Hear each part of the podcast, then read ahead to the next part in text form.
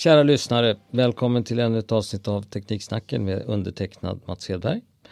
Jag har två väldigt spännande gäster, de har varit med förut så att det är lite favoriter i pris.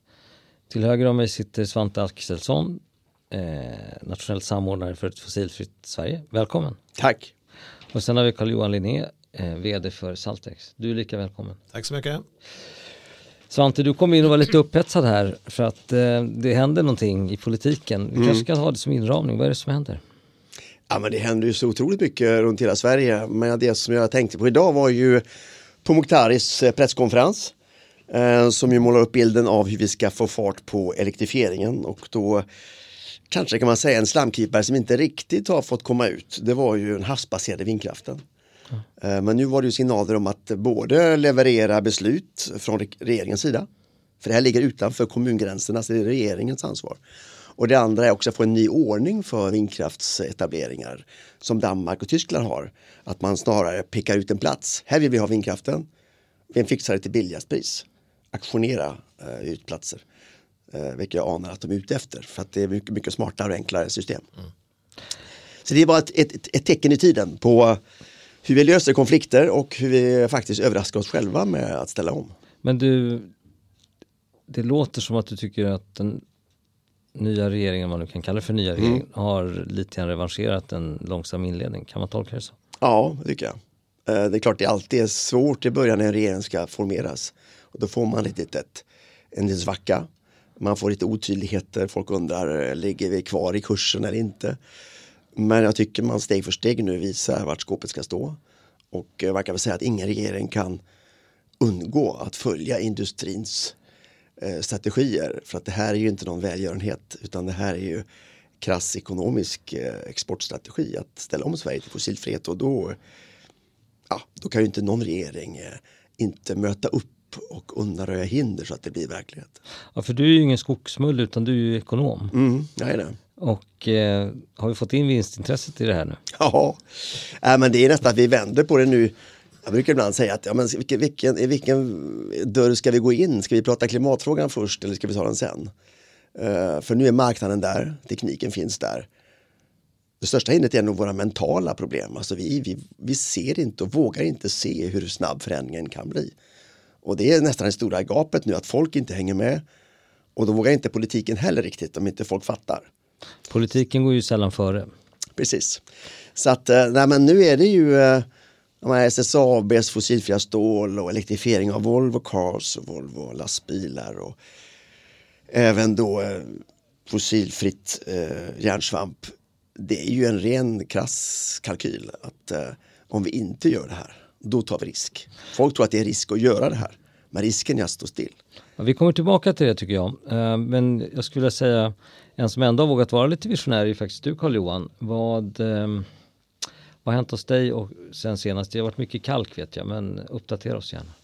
Ja, eh, precis som Svante då, så kom, kom jag väl in ganska upphetsad här också till dig Mats. Här, och, och eh, det beror på att vi släppte en kvartalsrapport idag på morgonen som visar på att vi har en viss eh, lite blygsam kanske men ändå fakturerad nettoomsättning på, på 3,5 miljon.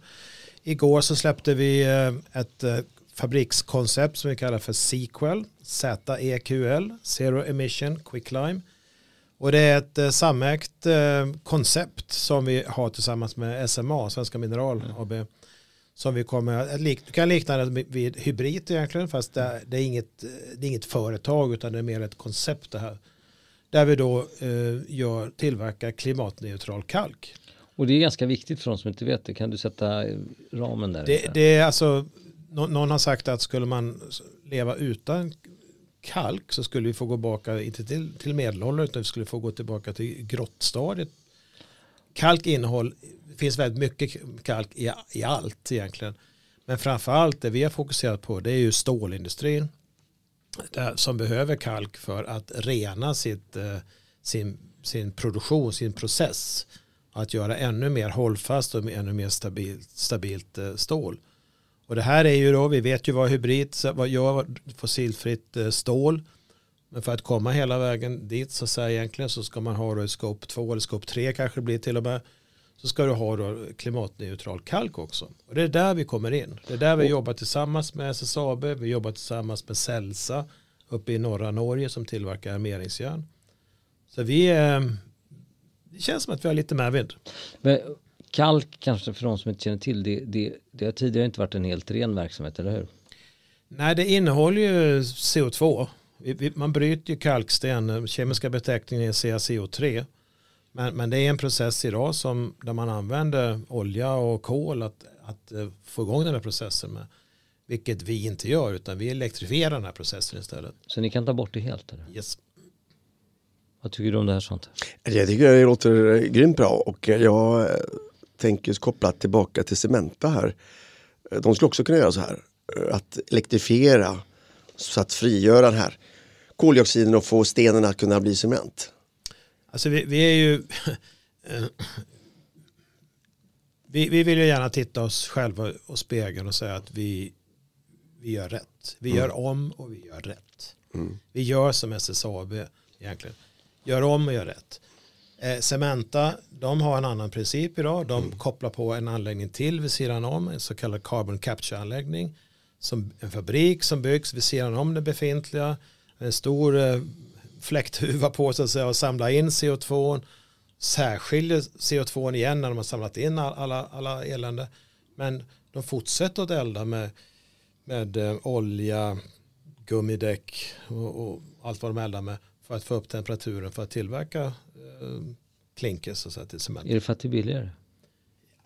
Man kan spekulera i mycket i det där och det finns nog säkert många faktorer i det hela. Jag vill inte ge mig in för mycket i det hela men, men det är väl klart att det, det svåra är ju med att en etablerad industri som kanske har gjort en del tunga investeringar för inte så länge sedan. De kan ju vilja ha lite payback på, mm. på den investeringen som de har gjort också. Så det är kanske, jag, jag vet, jag, jag, jag lämnar öppet. Risken inte... är att de blir frånsprungna eller vad ser det ut som? Ja, det händer ju. Jag tror att byggsektorn är nog den, eh, den sektor där jag ser störst eh, överraskningar. Eh, vi har ju gått med om, varit med om ett antal transformationer med masugnen bort tusen år till vätgas, förbränningsmotorn hundra år drygt, elmotor. Ja. Vad är det för skifte vi ser i byggsektorn? Och där finns ju också många andra bindemedel utöver kalkstenen. Slaggprodukterna. Jag tror inte det är ingen slump att man byter till Heidelberg Materials. Uh, Petroleuminstitutet blev ju namnet till Drivkraft Sverige. Det var gamla oljegänget som har mm. bytt namn. Bilindustrin, var, vad heter det? Bil Sweden, heter Mobility Sweden. Man vill inte sälja bilar, man vill sälja tjänster. Så att de där namnen är nog ändå en, en förlöpare till en insikt om att det kommer att vara ganska många olika bindemedel på marknaden det pratas ibland om att det kan bli lite krig om vissa typer av råvaror. Ja. Eh, en, en sak som inte så många uppfatt, har uppfattat tror jag, men som vi pratade lite om innan vi gick in här i studion, nämligen man ska ju återöppna Dannemoragruvan mm, uppe i Bergslagen som ägs av Grängesbergs Exploration. Hur som helst, de har ju alltså och de kan få fram 68% till järnmalm, vilket behövs för att kunna göra fossilfritt stål. Hur som helst, de har redan sålt teckna kontrakt med Anglo American fast de inte ens har börjat brytningen, om mm. att sälja för 15 miljarder kronor. Mm. Har de åtagit sig. Mm. Plus att Anglo har åtagit sig att bidra med finansieringen. Mm. Det visar ju någonstans om, om de som är framsynta, de, de vill säkerställa att de är med på tåget. Mm. Men det kommer, alla kommer inte kunna vara det därför mm. att de som inte vågar ta en kalkylerad risk kommer ja. att hamna på efterkälken. Mm. Det, det, är väl det vi ser med det här disruptive business nu, mm. att det som händer, att de som vågar ta de här stora besluten, de tror jag kommer bli vinnare i långa loppet på det hela. För det, mm. de skapar sig en position på marknaden som gör att de kan, de kan ha en viss premie på sina produkter också när, när de säljer dem hela. Mm. Vi vet ju, vi har ju pratat med, med flertalet cementkunder exempelvis, att de är ju har inga problem med att betala dubbelt så mycket för cementen som de gör idag. För de vet att det innebär 0,5 procent högre kostnad på huset. Mm. Det är så marginellt lite grann mm. men så ger det sådana stora effekter. Mm. Titta här, det här, här vill jag bo. Det här är ju, mm. det här är ju klimatneutral cement det här huset. Och det, det är så spännande det där. Mm. Uh, för jag är tillbaka till faktiskt den narrativet, den berättelsen om hur folk upplever, alltså blir, blir livet bättre? att bo här i Sverige. Om det är fossilfritt eller blir det sämre. Och om inte folk har klart för sig den, den bilden så blir det ju nejsägare och bromsklossar mm. i folkopinionen. Och då måste vi berätta hur det här går till för det är ganska mycket man själv inte fattar. Jag har inte fattat tidigare exempelvis hur lite det påverkar konsumtionspriset när man ställer om råvaruledet. Du tog ju exemplet med, med huset här, 0,5 procent. Det är ett klick på budgivningen va? så är det fossilfritt. Mm. Uh, en bil, ja mycket dyrare bil att köpa en Volvo fossilfritt. Ja det är ett USB-uttag extra i baksätet. Uh, har medelklassen råd med det? Ja det har den ju va. Absolut. Uh, jeansen eller brödet, ett fossilfritt jordbruk, ja 50 öre dyrare limpa. Uh, hur svårt är det? Så att vi, vi har ju en enorm möjlighet att skapa ett mycket bättre liv med fossilfriheten. Och hur upplever du att narrativet är idag? Narrativet är ju förstås rädsla. Uh, man är ju, jag skulle säga att kortsiktigt tror många människor idag är mer rädda för samhällsförändringen på kort sikt än klimatförändringen. Uh, och det är därför politiken inte lyckas få till reformerna.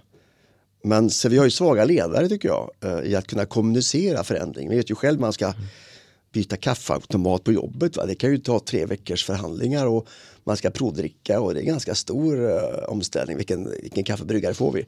Nu ska vi ställa om samhället. Vi ska ställa om, det som normalt tar 50 år, ska vi ställa om på 10 år. Det ska byggas ledningar, vindkraft, gruvor. Klart det, det, det blir oro i alla led och alla hörn om man inte har en story och en, en vision om varför gör vi det här? Varför ska det vara en, en, en kabel på, över min åker? Eller varför ska det vara ett vindkraftverk utanför Uddevalla? Men förstår man att det här är en del av välfärdsberättelsen. Vi ska skapa välstånd, utveckling, export och ökade skatteintäkter av att sälja klimatmedicin. Där kan man tänka sig att det blir inte bättre av att människor nu är oroliga för sin ekonomi, räntorna höjs etc. Nej, det är det inte. Men jag tror industrin verkar ju ändå inte vackla. För det är så, alltså tempot är ju, alltså de här företagens, de står och bankar ju på riksdagens dörr. Öka tempot, öka tempot. Det är det vi hör från SSAB, från LKAB, ja, från Volvo. Ja. Så de är ju rädda för långsamheten, inte för hastigheten. Eh, så att deras budskap är ju, vilket jag också tror är kvitto idag på presskonferensen, att Promokhtari står där. Det är en kvitto på att näringslivet säger vi måste vi få igång tillstånden, vi måste få igång elektrifieringen, vi måste få igång. Vi har världens chans, låt oss inte missa detta. Så att privatekonomiskt så kommer folk att vackla och kanske vänta med investeringar. Men jag tror på näringslivssidan så är det inget tempotapp. Upplever du det Carl-Johan? För jag, jag vet tidigare att ni tyckte att det gick lite långsamt och det var ja, svårt att komma ja. igenom. Märker du skillnader? Det, det, det, är, det blåser lite nya vindar, det gör det. Men jag skulle säga att, att det som har, har varit väldigt mycket drivet av konsumentsidan innan håller nu på att gå in i industrin också. Men, men det, det finns, eh, känslan är väl att det finns många som inte tar det fulla steget ut och, och utan man, man man, pratar, man pratar hellre än att göra så mycket. Lite egentligen. ängsligt eller? Lite ängsligt. Men någonstans måste man vara lite modig. Jag var, deltog i, i Åre, Åre Business Forum här för några, några helger sedan och eh, det pratades mycket om mod att man verkligen måste bestämma sig. Nu ställer vi om. Mm. Eh, allt ifrån elektriska pistmaskiner till elektriska snöskotrar och så vidare. Produkten kanske inte riktigt, lösningen finns ju men produkten kanske inte finns framme. Men de som la den här beställningen på 50 elektriska skotrar, vi ska ha det här. Mm. För det, de, våra, våra kunder eller turismen i år och så vidare, de kräver det. Mm. De, vill, de vill inte åka runt med skoter som, som där det bollar liksom avgaser ut. Va? Ja, det är ganska och det är det, här, det är det här som måste ske i, i industrin. SSAB har gjort det, de har bestämt sig. Det finns några andra också. Men det finns alldeles, alldeles för många som inte har tagit det här beslutet.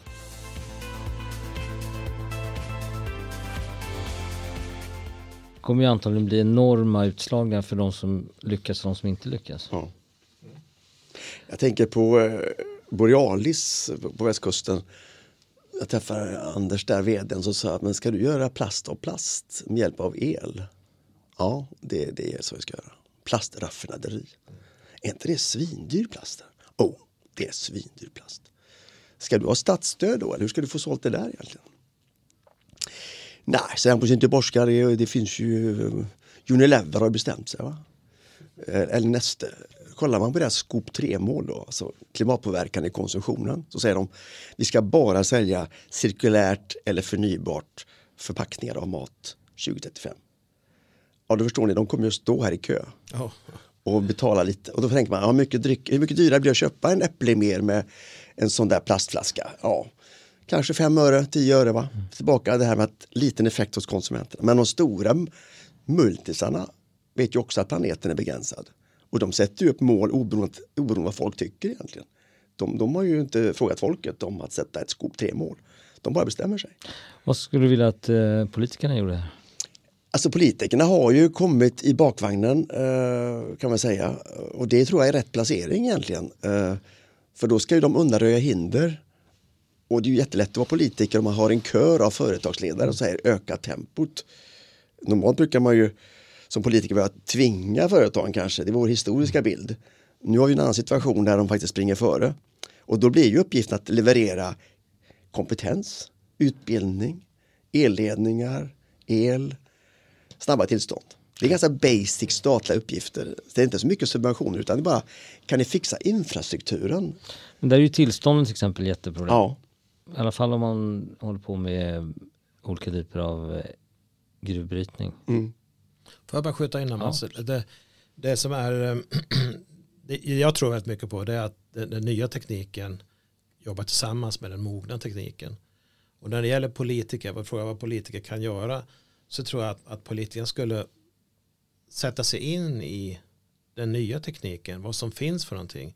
Inte bara lyssna på de eh, oligopol, monopol, situationstillverkarna utan lyssna verkligen på vad är alternativet. Finns det något annat alternativ än, en, än att eh, dra en ny HVDC-kabel från fastlandet till Gotland och, och med det ena med det andra. Det finns ju det. Men, men det kommer, vi, vi når inte fram till det, det kan jag säga. Nej. Ja, jag tror det är jätteviktigt och många brukar säga att viktigaste uppgiften för, för stater och EU är att tydliggöra målen och vara teknikneutral. Alltså vi ska ha den här målsättningen, vi ska fixa det Men här. de måste lyssna Gör det på på ny sätt. teknik Svante också. De måste Ja. få in det här liksom. Att Men de ska ju inte välja annat. teknik, de Nej, det ska ju- behöver de inte göra. Nej. Nej. Men de Så- måste ju se möjligheterna. Absolut. Och det, det här modet då som politiker kanske inte har, det kan ju näringslivet bjussa på. När man berättar om att det finns lösningar, det blir inte så dyrt. Ja, men då kanske jag ska våga spänna bågen lite som politiker. Ja. Sen ska man inte underskatta EU. Jag tycker jag blir nästan tårögd när jag ser Ursula von der Leyen alltså, och Frans Timmermans. De har ju varit så starka. Eh, Och Det är sällan de får beröm för att vara framåt. Alltså, EU har aldrig varit bättre alltså. Att hantera kriget i Ukraina plus höja ambitionen i klimatpolitiken och vända på mentala bilden att det här är konkurrensfördel för EU att springa före. Den, den resan eh, och utsläppshandeln och allt som vi nu för in i, i Europa. den- Den, det är det som ändå skapar SSABs mod. Det var ju utsläppshandeln. Att de visste att det kommer att bli dyrt att betala. Vi springer före. Så att man ska ge cred till politiken också.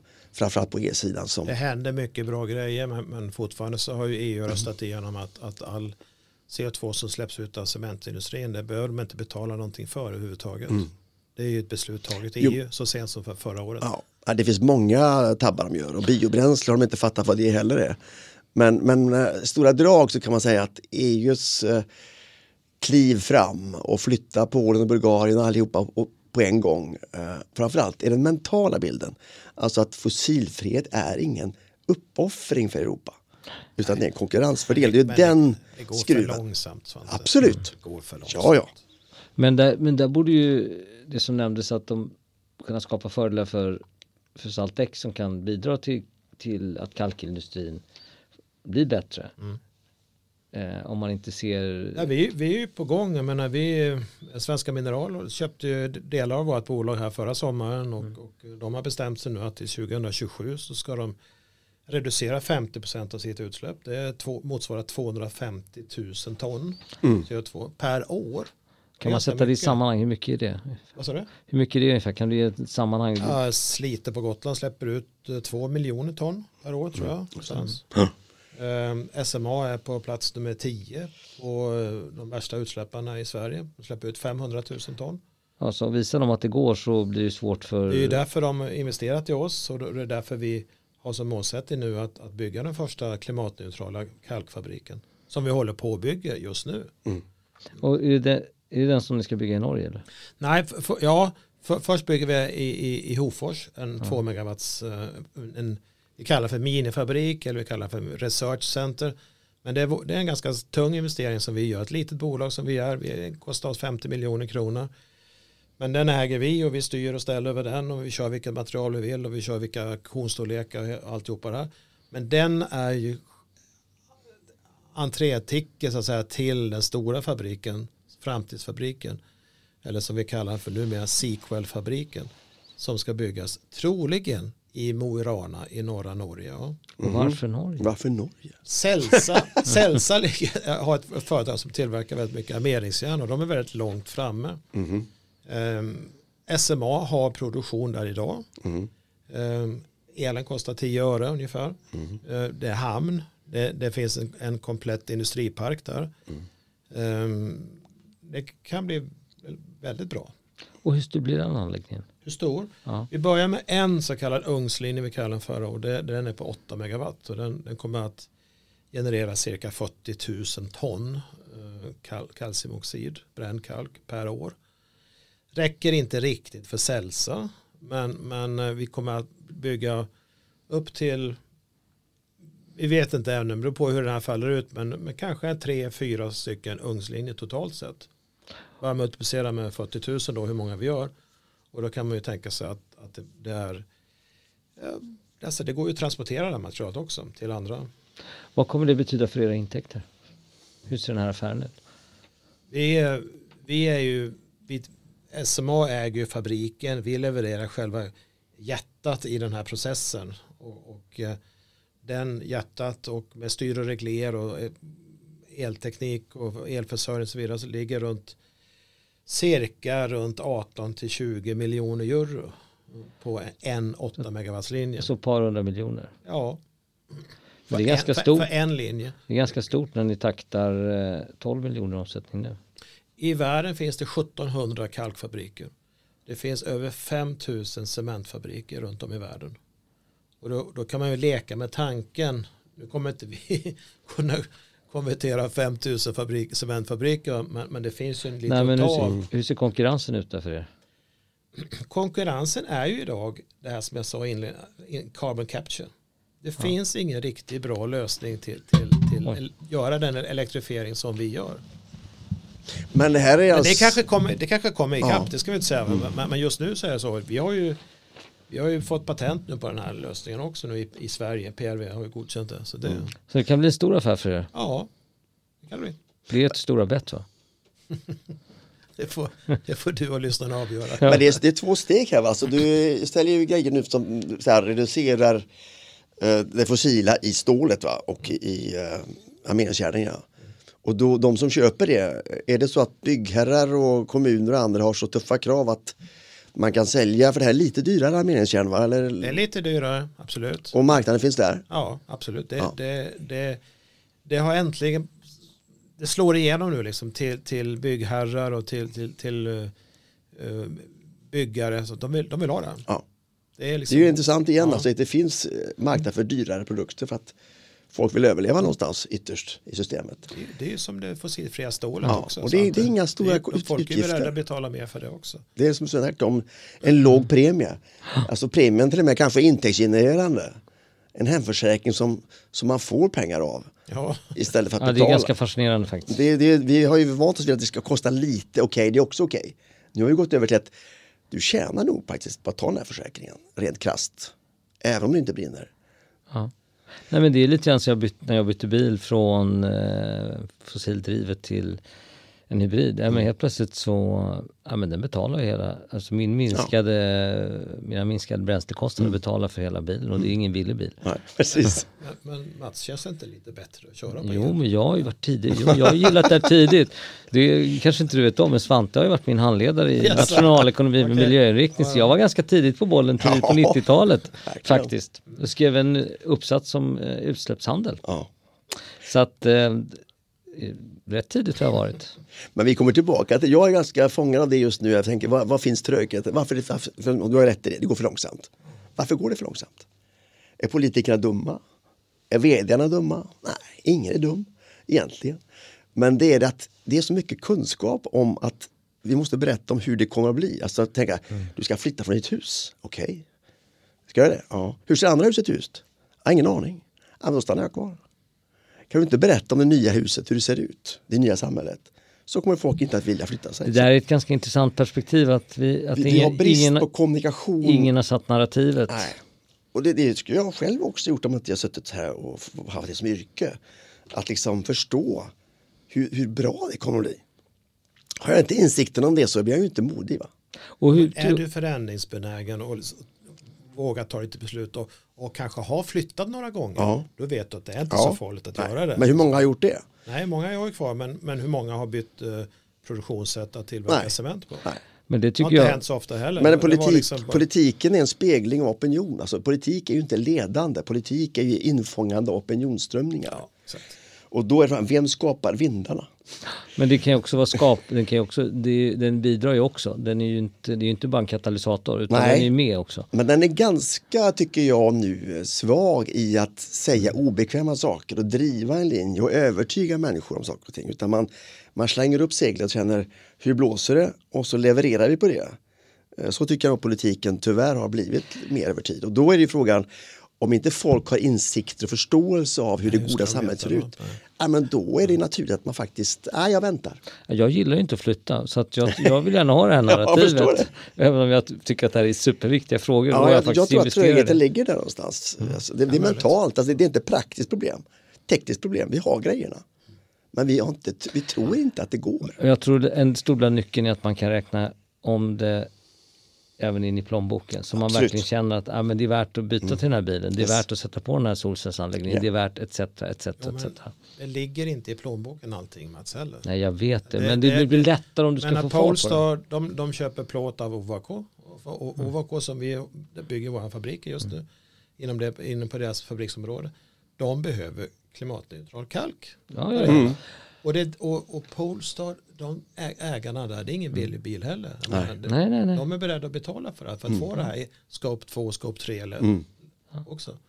Men, det, men de, som jag sa, att det, bilen är dyr men det blir mycket, mycket billigare att köra. Så att eh, det finns ju också en sån frågeställning. Det finns ju alltid en brytpunkt. Ja. Ja, visst. och vi, vi, vi, och, så att, Men jag är fortfarande intresserad av, av ditt stora språng här. Alltså, kan du tänka dig att vi gör nu klimatneutral cement utan CCS i framtiden när vi inte fångar in koldioxiden och åker till Norge utan du hittar en annan lösning på det. Definitivt. Och då är det ju en intressant eh, Sen finns det olika lösningar på Ja. det.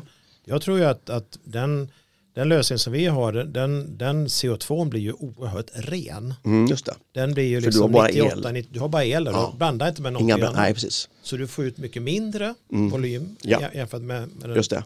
idag. Så du skulle egentligen kunna använda till Coca-Cola-produktionen. Just det. Men, men det finns många andra material. Det finns, där ser man ju verkligen skillnad. Alltså hur många initiativ det pågår med att, att, att använda CO2. Mm. I fyllnadsmaterial, i, i, i, i bränsle, i olika mineraliseringslösningar och hela den biten. Jag är väldigt övertygad om att CO2, speciellt den rena, kan bli, kommer att bli en bristvara framöver. Jag tycker det är otroligt intressant eh, Det- perspektiv. Det, det, För det är det kommer ju, ta några år, absolut. Men, men, ja, vad är det för tidsperspektiv vi pratar om? Det är alltid svårt för det brukar bli hockeyklubbar på Ja, hela det. grejerna. Men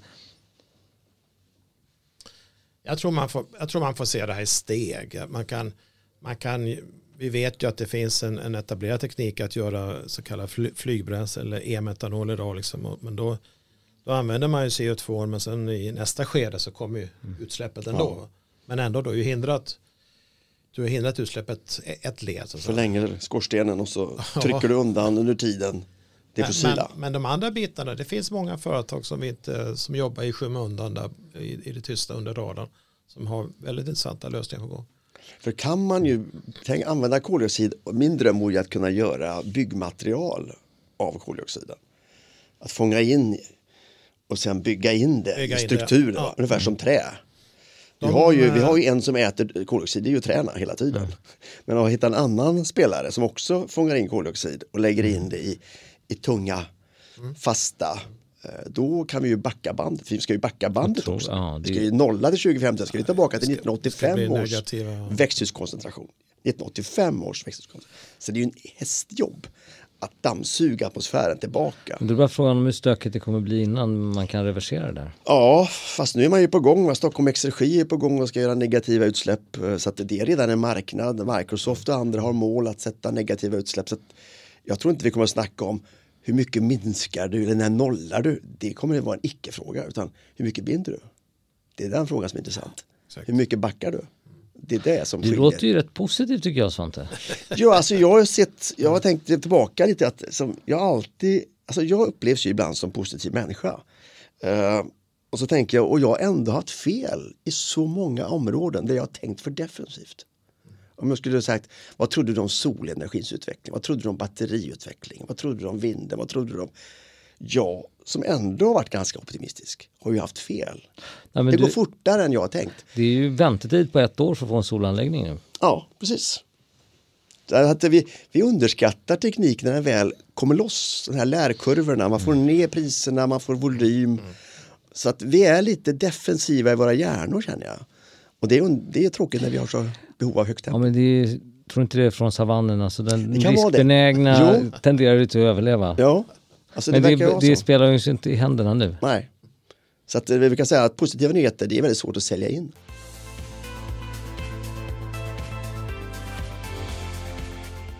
Det är värdelöst, det är ingen som köper. Uh, nej, okej, okej, okej. Och så säljer jag ett larm. Det går va? Mm. Och i den här tiden då vi behöver bättre berättelser om nya huset. Mm. Hur får vi ut det? Media kommer inte att köra det. Om det inte är så att du kan spara pengar på det. Finns det ingenting som Nej. säljer så mycket Nej. som mm. så här många kronor kan du spara på om du gör så här. Mm. Det ser vi som har medieverksamhet. Ja, det. det. då går läsandet, ja. lyssnandet, tittandet upp i toppen. Ja. Så att eh, om man kan räkna ner det till kronor och ören ja. så händer grejer. Och, det, och det kanske är den typen av narrativ som man ska jobba med. Ja. Och jag tror också att vdarna och företagsledarna är de viktigaste kommunikatörerna mm. ihop med facken. Jag tänker när när Volvo Cars säger till Göteborg att vi behöver havsbaserad vindkraft. Ja, men då börjar ju folk tycka att vindkraft är rätt mysigt. Eh, så det, det, är företagsledarna som, som måste stå för eh, berättelsen. Tror jag. Men jag tror vi har ett, ett problem och jag tror att jag får av Carl-Johan här.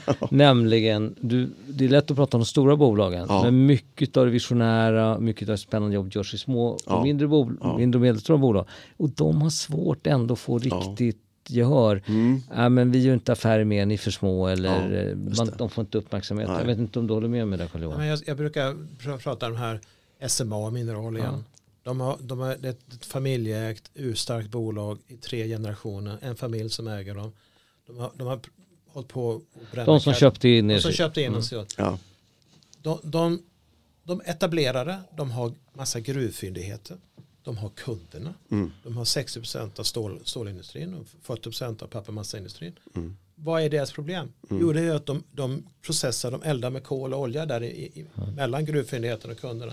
Och precis där så kommer vi in, klick, simsalabim. Men då hade ju du lite tur. Det är ju matchning som heter tur. Ja, lite tur för att du kunde matcha. Jag kan tänka mig att det är många fantastiska bolag som aldrig kommer ut för att de inte får nej, nej, den. Men visst är det väl så.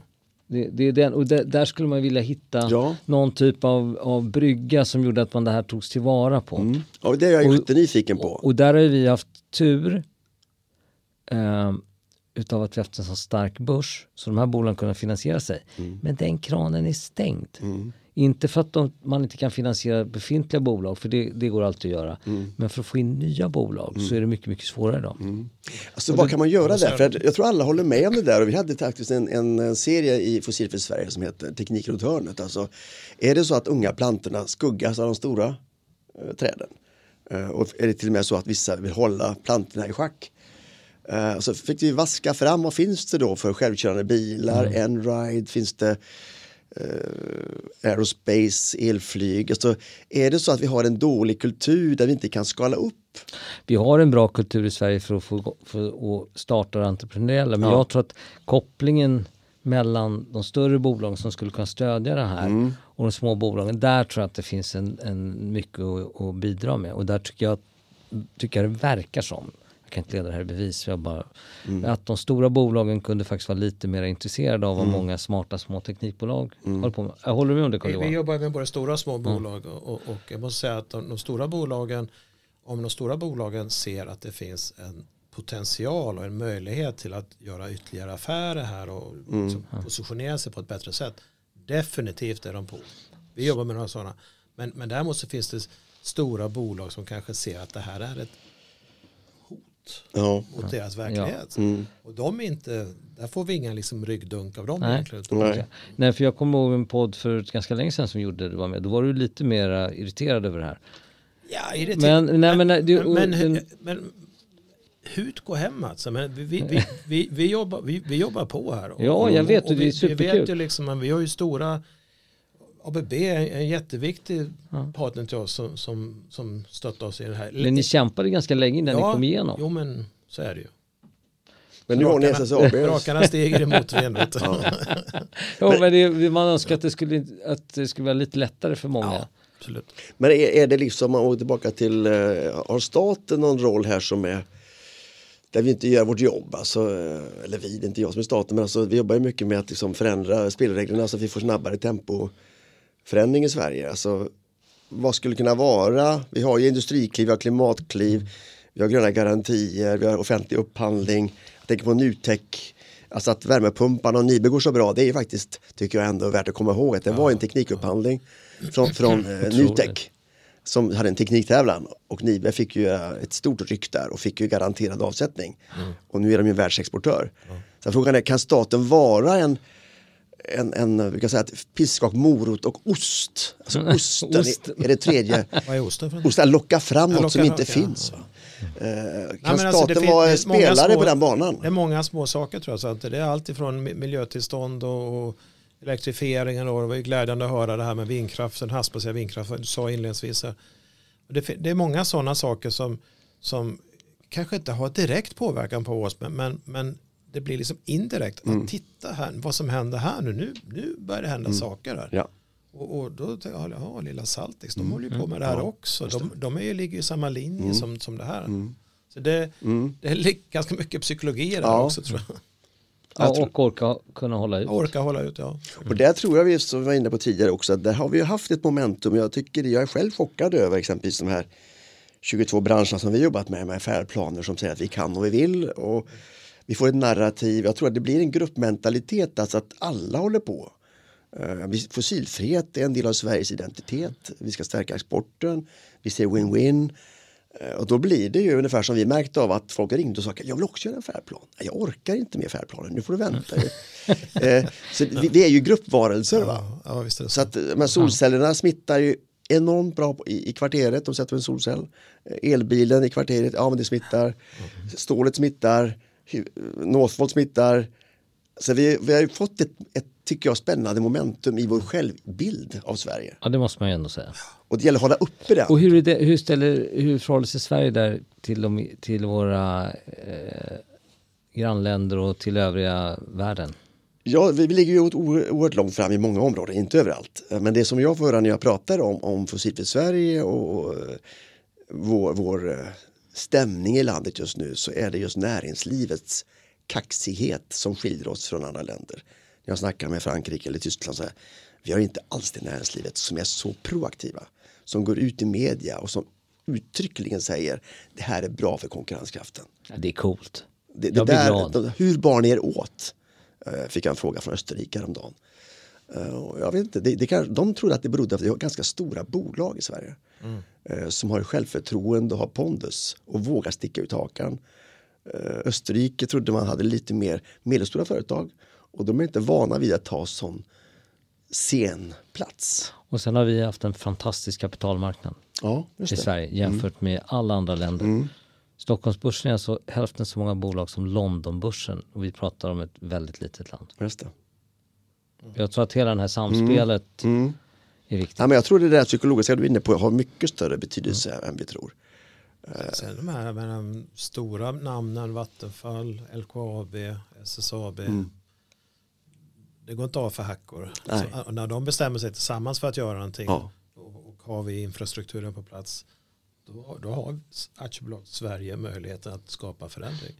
Och det finns möjlighet inom a- andra möjligheter också. Och det var det som jag upplevde, jag, är tillbaka till de här färdplanerna som vi har gjort i Fossil för Sverige, men det var ju en tur och träff att vi fick stålet först.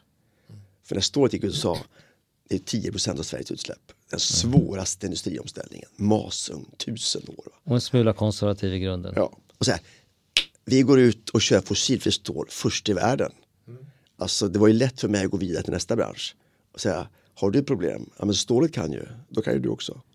Så att det, det blev ju lejonet som gick ut först.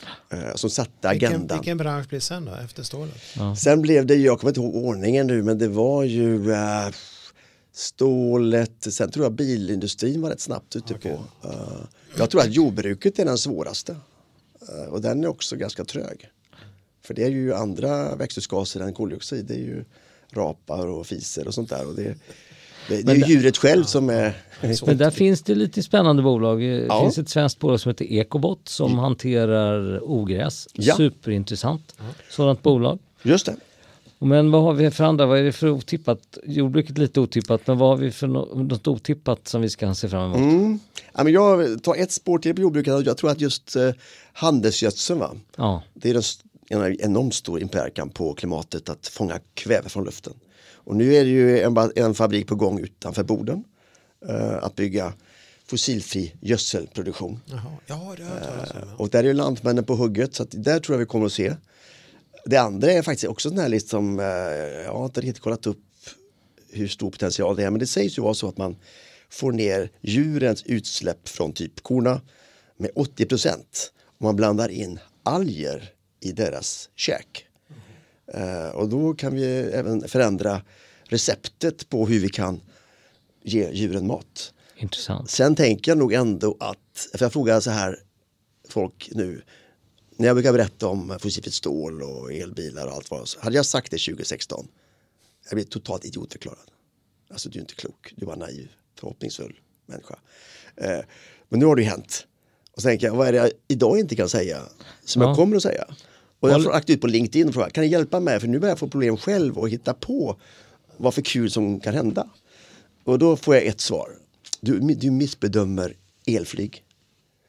Elflygen kommer att komma, kanske inte till New York, men, men väldigt många eh, flygrutter, Helt typ klart. under en timme, Det är spännande. kan köras. Och nu var jag nere och träffade de här Heart Aerospace som ska bygga en fabrik eh, i Sverige hoppas jag.